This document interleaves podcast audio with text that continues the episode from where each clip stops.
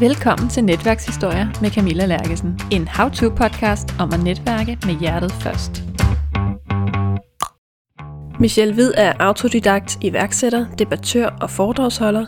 Du kender hende måske fra hendes datingvirksomhed runningdinner.dk eller som vært i Hvids varmestue på Radio 24 eller måske kender du hende, fordi hun overlevede en tumor i hjernen. Jeg kender hende for hendes forfatterskab, og jeg anbefaler gladeligt hendes bøger. Da jeg læste hendes bog Skru op for livet fra 2017, handlede hele første kapitel om fællesskab, om relationer og netværk på den kærlige måde. Det handlede om at hjælpe med at samle op, når grønthandleren vælter alle sine grøntsager ud over fortovet. At finde en kæreste til den ven, der er single. At rejse en cykel op, der er væltet. At give en 20'er til en hjemløs.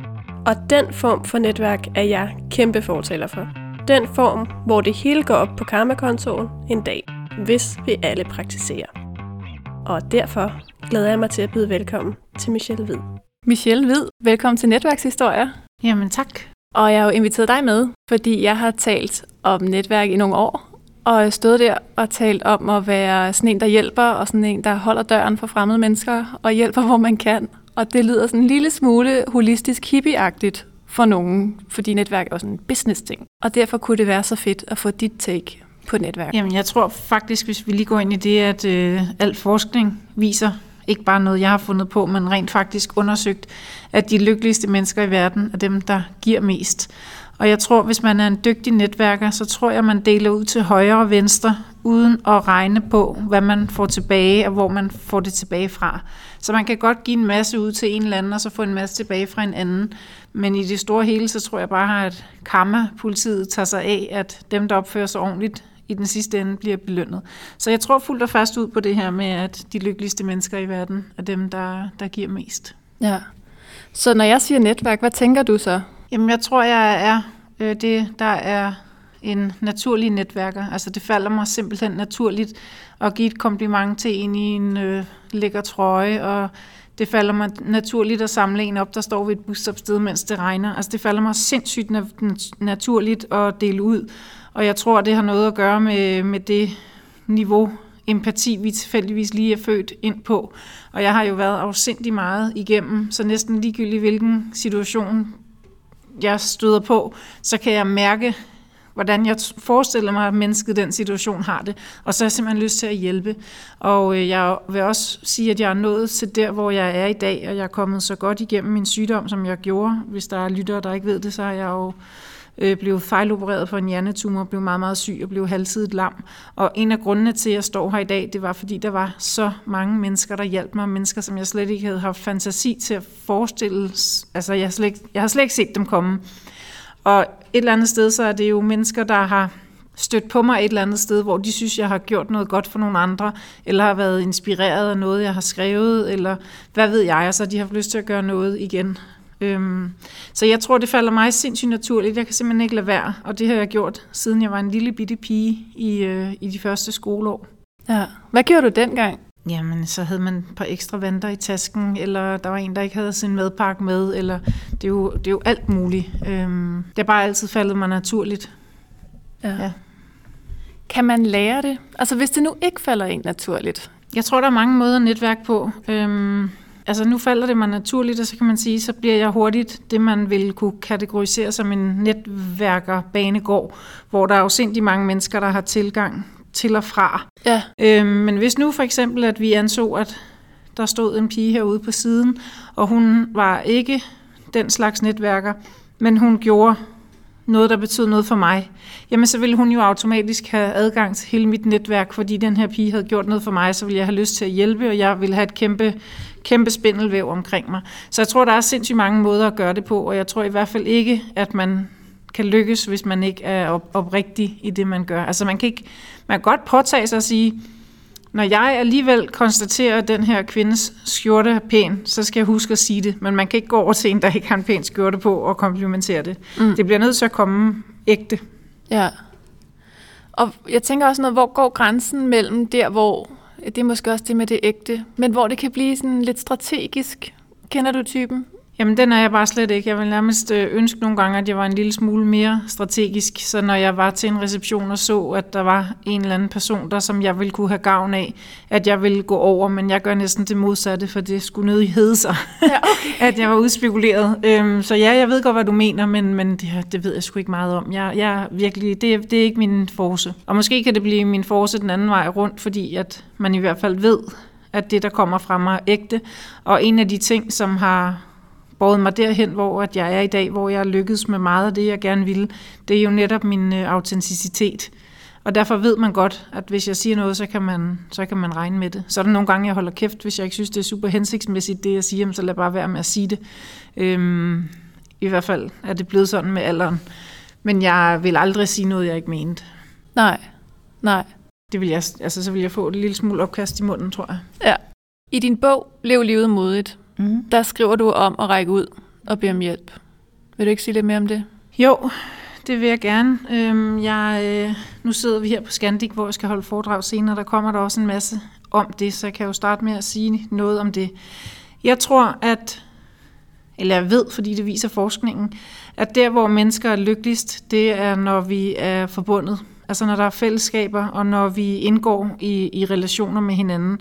Og så kan det være nære relationer, det kan være flygtige relationer, det kan være drøbvise relationer med nogen, man aldrig møder igen. Men vi har fået skabt, nu karikerer jeg det lidt, ikke? men vi har fået skabt en perfekthedskultur, hvor vi kun viser den perfekte avocado-mad, og vi viser, når håret sidder perfekt, og vi viser de perfekte dage, og vi viser den sjove dag med strandturen, som munder ud i bål med marshmallows på stranden, hvor børnene er lykkelige. Og når vi hele tiden signalerer lykke, så får vi også samtidig puttet en brynje rundt omkring os, som vi i virkeligheden ikke ønsker os, men hvor alle dem, der kigger på os, ser, åh, oh, hvor har hun det sjovt, ej, hvor går det godt, gud, hvor er hun smuk, ej, hvor spiser hun sundt, gud, nogle lækre madpakker, ej, hvor hun vellykket, hende kan jeg i hvert fald ikke hjælpe med noget. Og hvornår er det, vi alle sammen har det bedst? Det er, når vi er noget for hinanden. Og når vi alle sammen signalerer kontinuerligt, at vi ikke har brug for hinanden, så afskærer vi samtidig andre mennesker for at at hjælpe. Og det er der, vi selv har det bedst, og det er der, hvor de mennesker rundt omkring os har det bedst. Så jeg synes, der er noget fuldstændig forskroet i, at vi ikke tør at række ud og bede om hjælp, fordi vi er bange for at forstyrre. Ja. Men når jeg rækker ud til dig og siger, jeg har brug for dig, så siger jeg jo samtidig underliggende, for du kan noget, jeg ikke kan.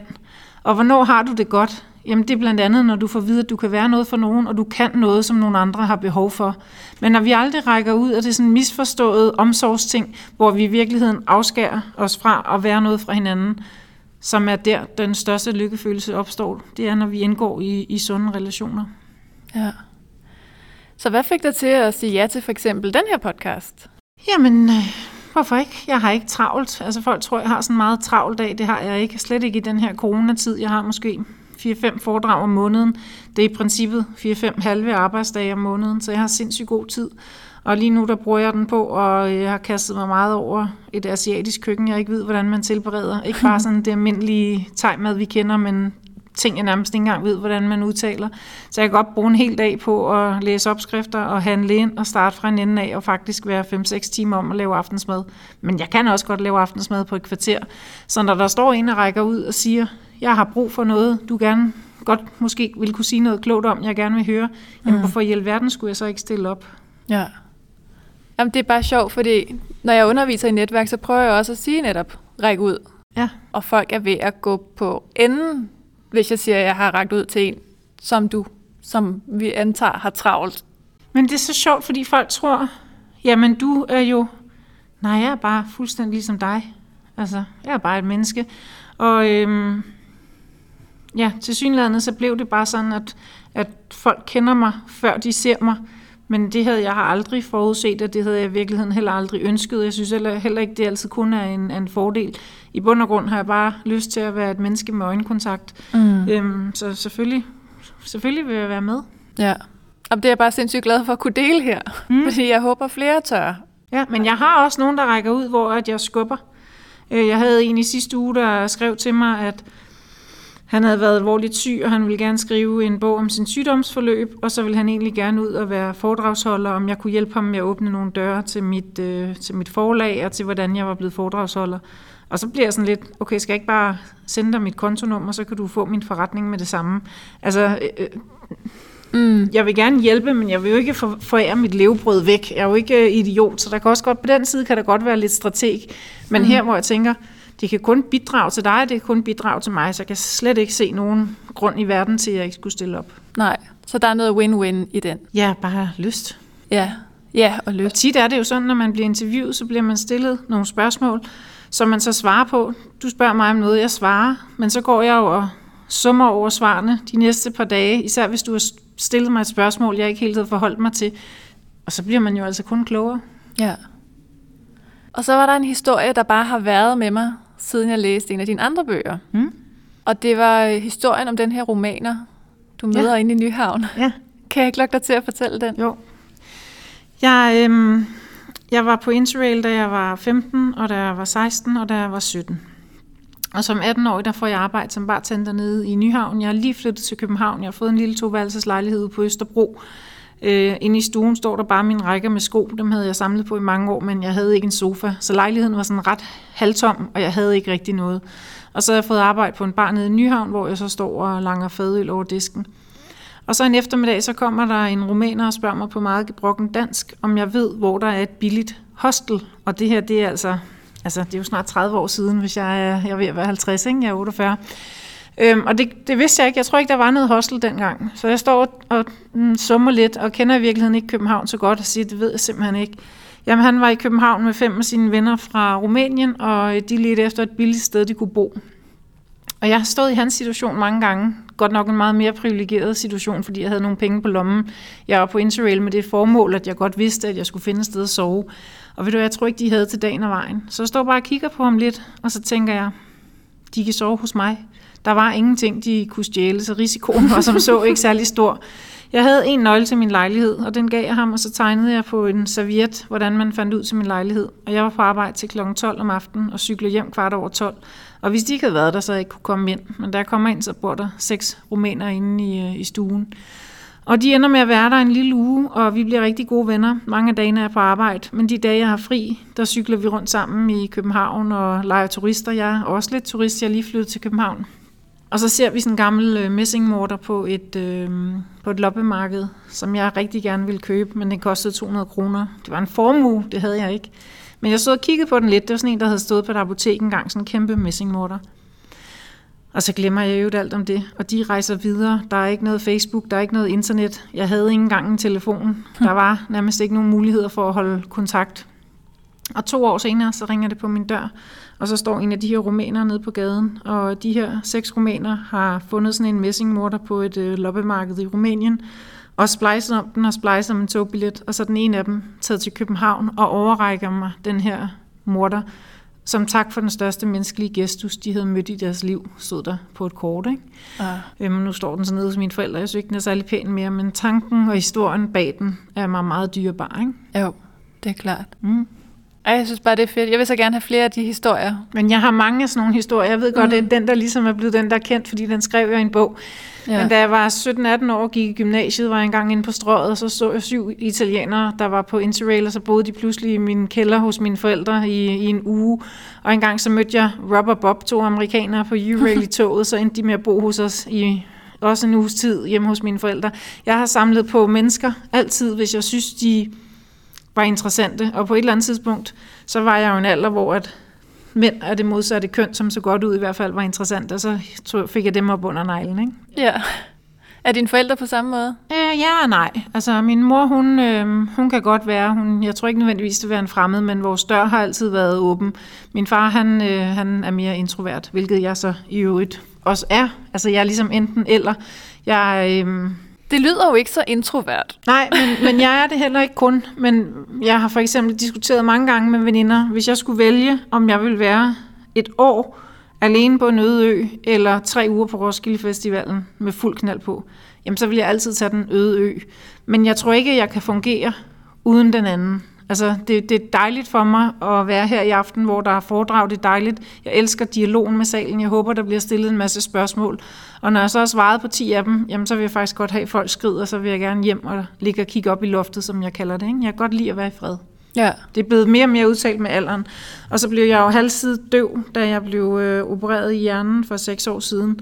Og når man er halvsidigt døv, så kan det være enormt anstrengende at være i et rum, hvor der er et lydbillede af mange mennesker, der taler. Mm. Jeg kan simpelthen ikke øh, følge med. Øhm, og jeg kan mærke nu med mundbind, at uden at jeg har vidst det, har jeg været afsindig afhængig af at mundaflæse. Ja. Og når jeg så ikke får mundaflæsningen med nu, når folk har mundbind på, jamen, så misser jeg enormt meget. Og det gør jeg også, vil jeg også gøre på en bar, eller til en reception, eller et sted, hvor der er mange mennesker. Så jeg har simpelthen ikke så meget lyst med. Jeg vil simpelthen hellere være i fred.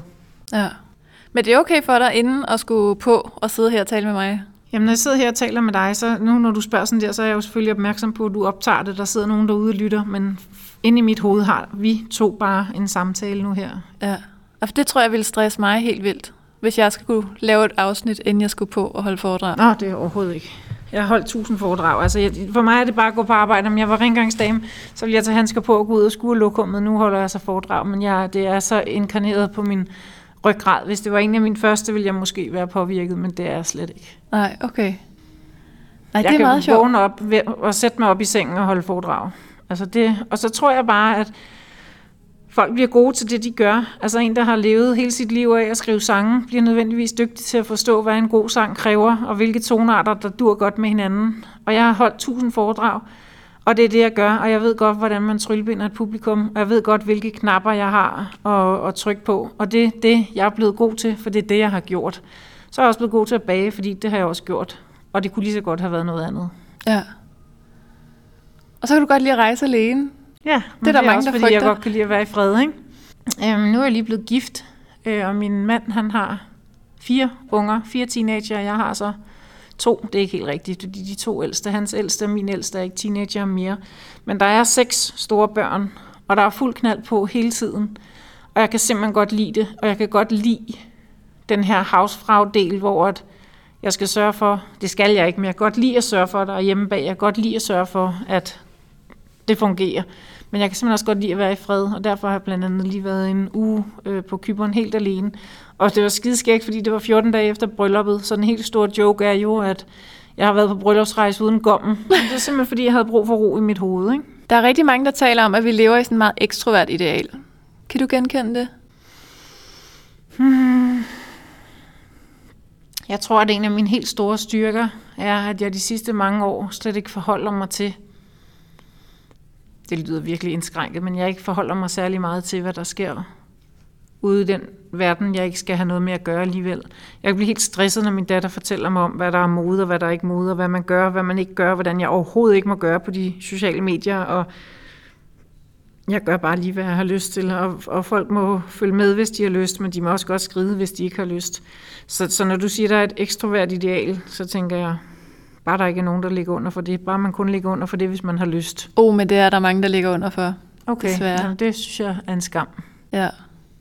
Hvis man nu føler sig klemt af et hvert ideal, og ikke helt er der, hvor du er, og kan kigge bort fra det, har du nogle gode sådan, fif eller råd, eller Men ved du hvad? livsvisdom? Ved du hvad? Det er dejligt, hvis du godt kan lide mig. Men jeg skal jo ikke sidde her og være en anden, end jeg er, i håbet om, du godt kan lide mig. Og så vil jeg kunne gå hjem og sige, at det virker som om, hun meget godt kunne lide mig. Men det var slet ikke mig, du havde mødt. Så alle dem, der er nede i den der pleaser-form, som prøver mm. at være noget, som de tror, de andre godt vil have, det vil de andre ikke. Altså, øh, og jeg tror også, at når folk går ind i et rum, så tænker de, åh, hvad tænker de andre nu om mig? Jamen, de tænker ikke en skid, for de står og har travlt med at tænke, hvordan de selv tager sig ud i det rum. Jeg under virkelig folk at sætte sig lidt mere fri. Og jeg tror, at frygten for, hvad de andre tænker, er den største stopklods på hele kloden. Fuck, hvad de andre tænker. Hvad tænker du selv? Kan du sætte dig selv i øjnene? Hvad har du lyst til? Kan du leve op til det, du godt ved, du kan præstere? Det er ikke, fordi man skal det syv dage om ugen, for nogle gange skal man også bare hive stikket og ligge og glo op i loftet. Men hvis man kan se sig selv i øjnene, så er man nået meget, meget langt. Fuck, hvad de andre tænker.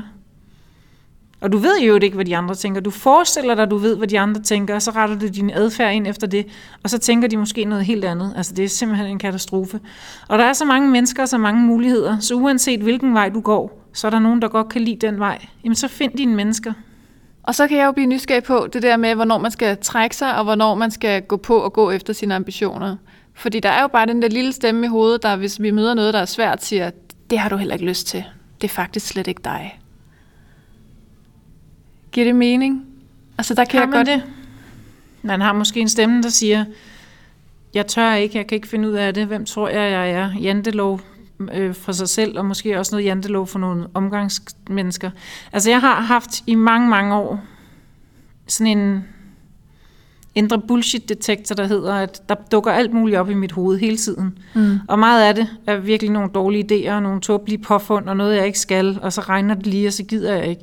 Men der er også nogle ting, der bliver ved med at dukke op, og dem kalder jeg, de blinker. Mm. Og hvis man har et eller andet, der bliver ved med at blinke, så bliver man nødt til at gå over og kigge på, hvad det er, fordi ellers skal man glo på den blinken hele sit liv.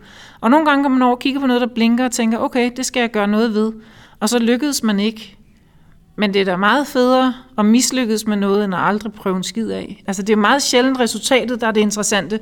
Det er jo meget oftere processen, og hvem man gør det sammen med, som er interessant. Ja, fordi i, i mit hoved, der tager den der, øh, tager den der, jeg tør ikke, den tager form som, jeg gider ikke. Og det er jo nok for, at så går det ikke så galt. Altså hvis ikke man prøver, så kan man heller ikke fejle. Nej, så har jeg bare lyst til at drille det helt vildt og sige, men så lad være. Så lad være. Så bliver folk sige, ah, ej, det, jeg kunne faktisk godt tænke mig det. Jo, men hvis du er bange for, så lad være. Altså så bare skyde det til, til hjørne, og lad være med at bruge mere energi på det. Min mor, hun havde engang en virksomhed, hvor hun afvendede øh, unge misbrugere.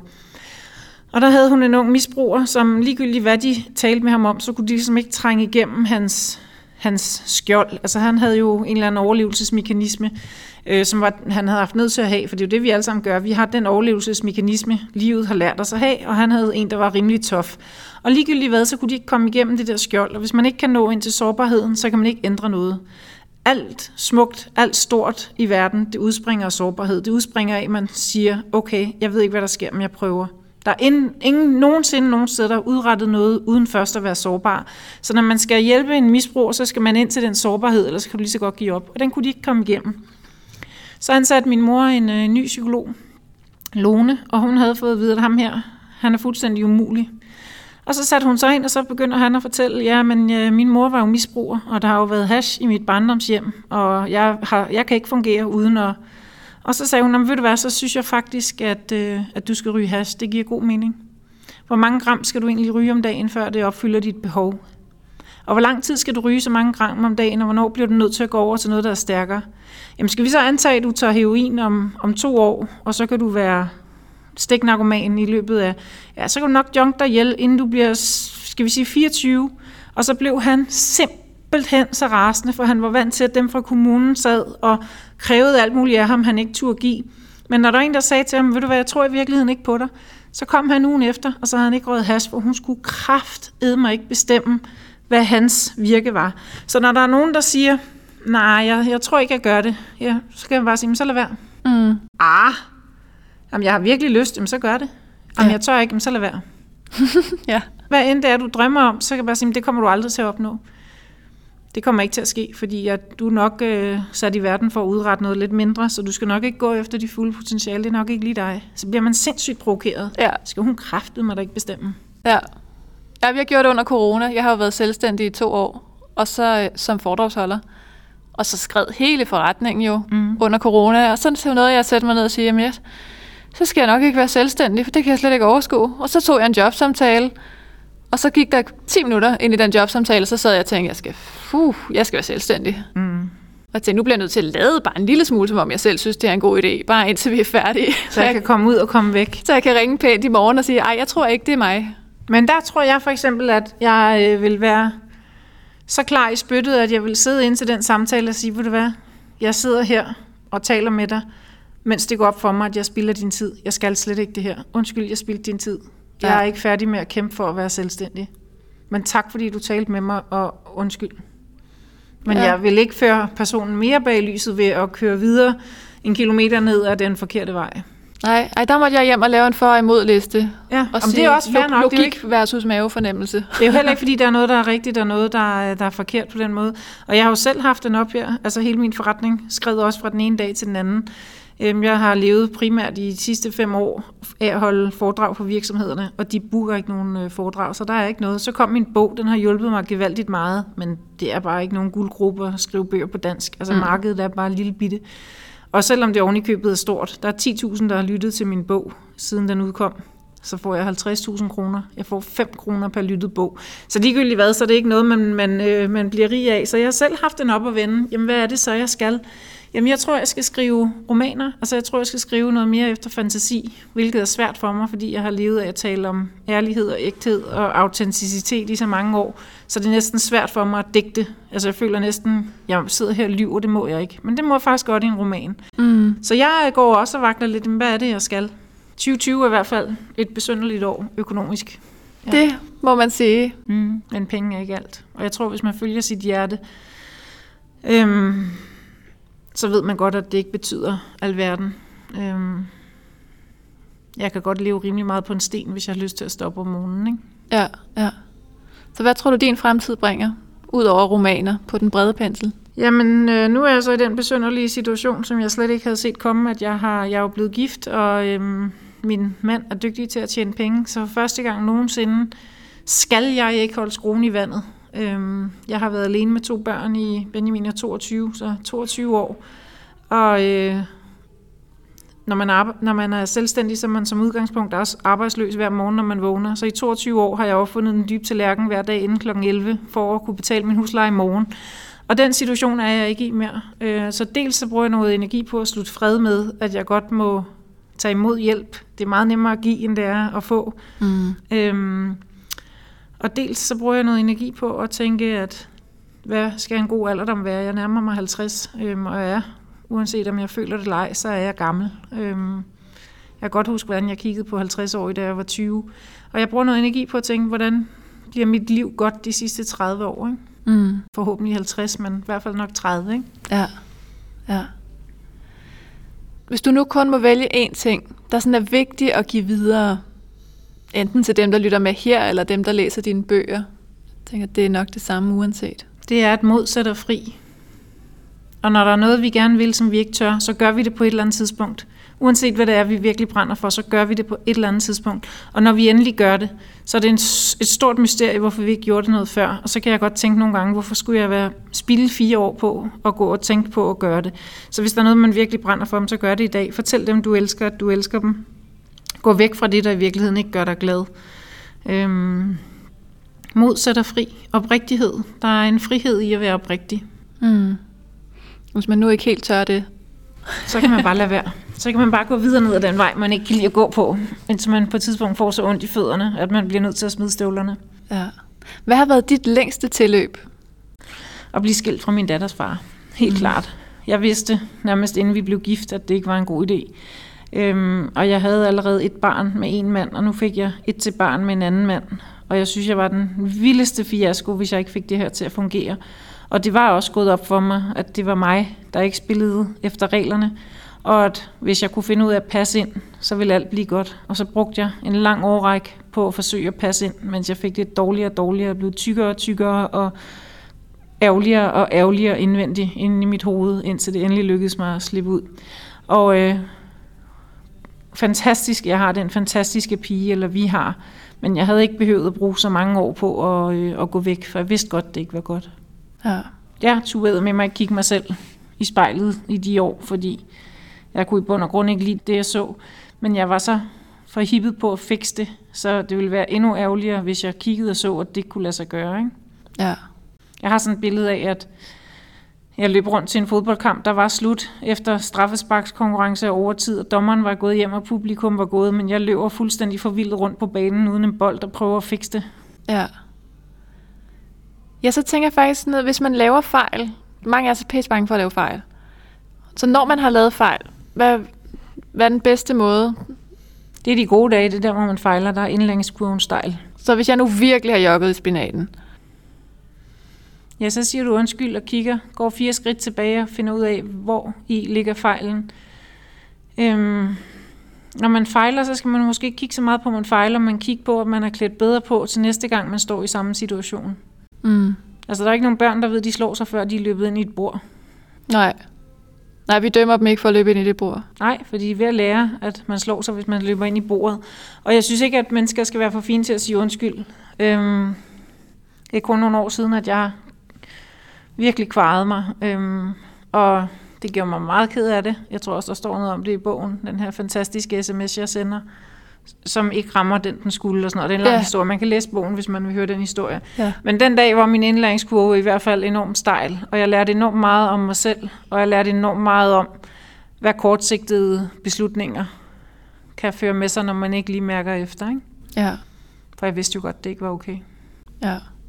Jeg synes, den er fin lige at runde, fordi igen det der med at handle på ting, og ting, der holder os tilbage, det er jo fordi, vi er skide bange for at lave en fejl. Mm-hmm. Og hvad vil der så ikke ske? Jamen, så kan man jo bare lade være med at lave noget overhovedet. ja. Så fejler man ikke. Hvis man bliver inde i komfortzonen og gør, som man plejer, så fejler man ikke så meget. Til gengæld er rigtig meget det, vi gerne vil have, lige uden for komfortzonen.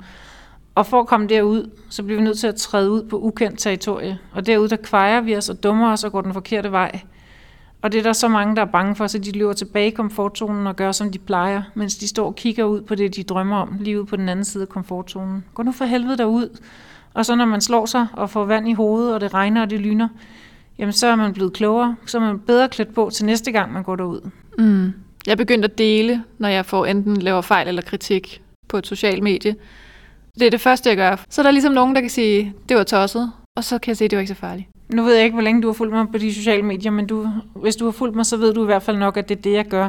Og jeg tror, at mange, mange, mange af de mennesker, der følger mig, de netop følger mig, fordi det er enormt befriende, at Ja. jeg nogle gange kvejer mig.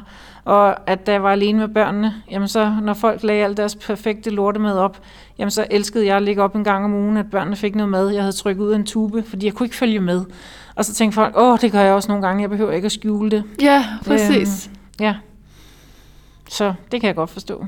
Og Jeg kan også godt nogle gange fra, er det 8 Mile, er det den hedder med Eminem, Ja. hvor han, øh, han selv fortæller nogle ting, før de andre driller ham med det. Og Ja. sådan kan jeg også godt nogle gange have. Altså jeg kan godt, altså det der behov for at sige, har virkelig rodet, Ja. inden der er nogen andre, der siger det. Så den genkender jeg godt. Og så kommer der sådan et punkt, hvor man tænker, jeg skal faktisk ikke undskylde for, at har rodet. De kommer vel faktisk for at besøge mig. Og det var også det, øh, Tessa gjorde. Ja, som jeg nok godt kan lide, men jeg ved ikke, hvad hun har gjort. Og hun lavede den der fantastiske dokumentar på DR, hvor hun kom med de nøgenbilleder i forkøbet, som hun vidste, der florerede. Altså hun har simpelthen gået ind og lavet en dokumentar sammen med DR, hvor hun taler om de nøgenbilleder, som hun ved florerer af hende. Ja, men det er der jo flere, der har gjort. Hvad er det, hun hedder, hende den anden, som var den første, der gjorde det, som gik ud og lavede nogle meget lækre nøgenbilleder. Ja, Emma Holt. Emma Holten, ja, som ja. tog ejerskab på, på de billeder, der fandtes af hendes krop, sådan så der ikke var nogen, der kunne slå hende i hovedet med dem. Altså, og det, er jo, det tror jeg, at vi alle sammen gør, især når vi kommer til et eller andet bevidsthedsniveau om, at jamen, jeg kan ikke nå, hvad det end det nu er, og jeg gider ikke at foregive at kunne nå det mere. Og det er faktisk godt nok det, jeg gør. Præcis. Og ved du hvad? Altså, nu er jeg så 48, og min datter, hun, er, hun bliver 14 om en uge. Hvis der ikke florerer nogle nøgenbilleder af hende et eller andet sted, når hun er 20, så synes jeg næsten, hun har haft en kedelig barndom. Ja. Altså, jeg synes, det er meget mærkeligt, når alle går rundt med kamera i hånden at all times, også når man er super stjerneliderlig. Hvis der ikke på et eller andet tidspunkt findes et billede af en nøgen, så synes jeg næsten, man har kedet sig. Og jeg prøver bare for guds skyld at lære hende, lad være med at have din krop og din, dit hoved på de samme billeder. Altså, Yes. tag et med dit hoved og en med din krop, og så kan du altid benægte. Altså, så kan det være en hvilken som helst krop. Øhm, men selvfølgelig findes der billeder af frigjorte kvinder, der vokser op og lærer at leve livet, som har liderlighed, der flyver rundt i dem, og de skal lære deres krop at kende. Det vil kraftet må da være mærkeligt andet. Ja, jeg synes jo, det er de drenge, der deler dem, der er syge skallen. Og jeg skulle lige pigerne. til at sige, at det siger meget mere om Ja. dem, der har delt Ja, ja. de billeder, end Ja. dem, der har taget de billeder. Enig, For det skal de bare have lov til. enig. Ja, jamen så fik vi også lige rundet det. Ja, Er der et eller andet... Øhm, Nej, jeg kunne enormt godt tænke mig, at folk øh, læste eller lyttede min bog, selvfølgelig. Øhm, jeg synes, den er vigtig, og det synes jeg, den er. Nu har jeg skrevet tre bøger, og de to andre, som også er gode, mangler lige de der 5% berøringsangst, som jeg helst, ikke, helst heller ikke helt selv turde gå ind i. Og da jeg skrev den her, så tænkte jeg, nu er det bare the full Monty, og øhm, hvis jeg ikke tør, så skal jeg lade være. Så jeg synes virkelig, det er en vigtig bog, og jeg, øh, når folk spørger, hvad handler den om, så kan jeg sige helt klamt, jamen den handler om mig, men den handler også om dig. Og den handler om alle de ting, vi alle sammen tror, vi skal gemme af vejen, men som vi alle sammen slås med. Og det skal vi ikke nødvendigvis. Vi skal finde sammen i et fællesskab, for det er der, hvor vi alle sammen har det bedst. ja.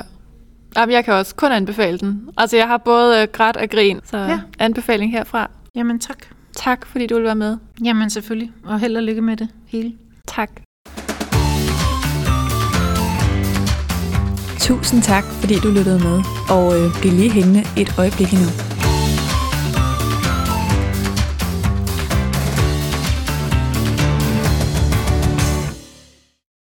I næste afsnit af Netværkshistorier kan du glæde dig til at møde Anne Risum Svendt til en ærlig snak om og et kig ind bag kulisserne i, hvordan man netværker, laver kaffeaftaler og får job gennem netværk.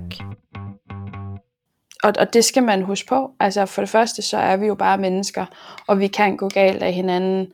Og det er også derfor, at ja, som du siger, netværk, det er ikke regnbuer og jordbærkage og sød te og sådan noget. Det er mennesker, der møder mennesker. Og nogle gange er den der, og nogle gange er den der ikke. Og nogle gange så, så går man helt galt, fordi at der er nogen, der ikke forstår sig på grænser eller almindelig pli og opførsel. Øh, det sker sjældent, men det sker. Og det har ikke noget med en selv at gøre. Du kan være ganske rolig. Jeg lover, at det ikke bliver alt for alvorligt hele vejen igennem.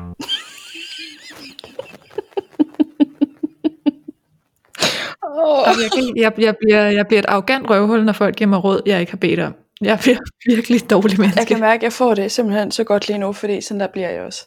Vi lyttes ved i næste uge.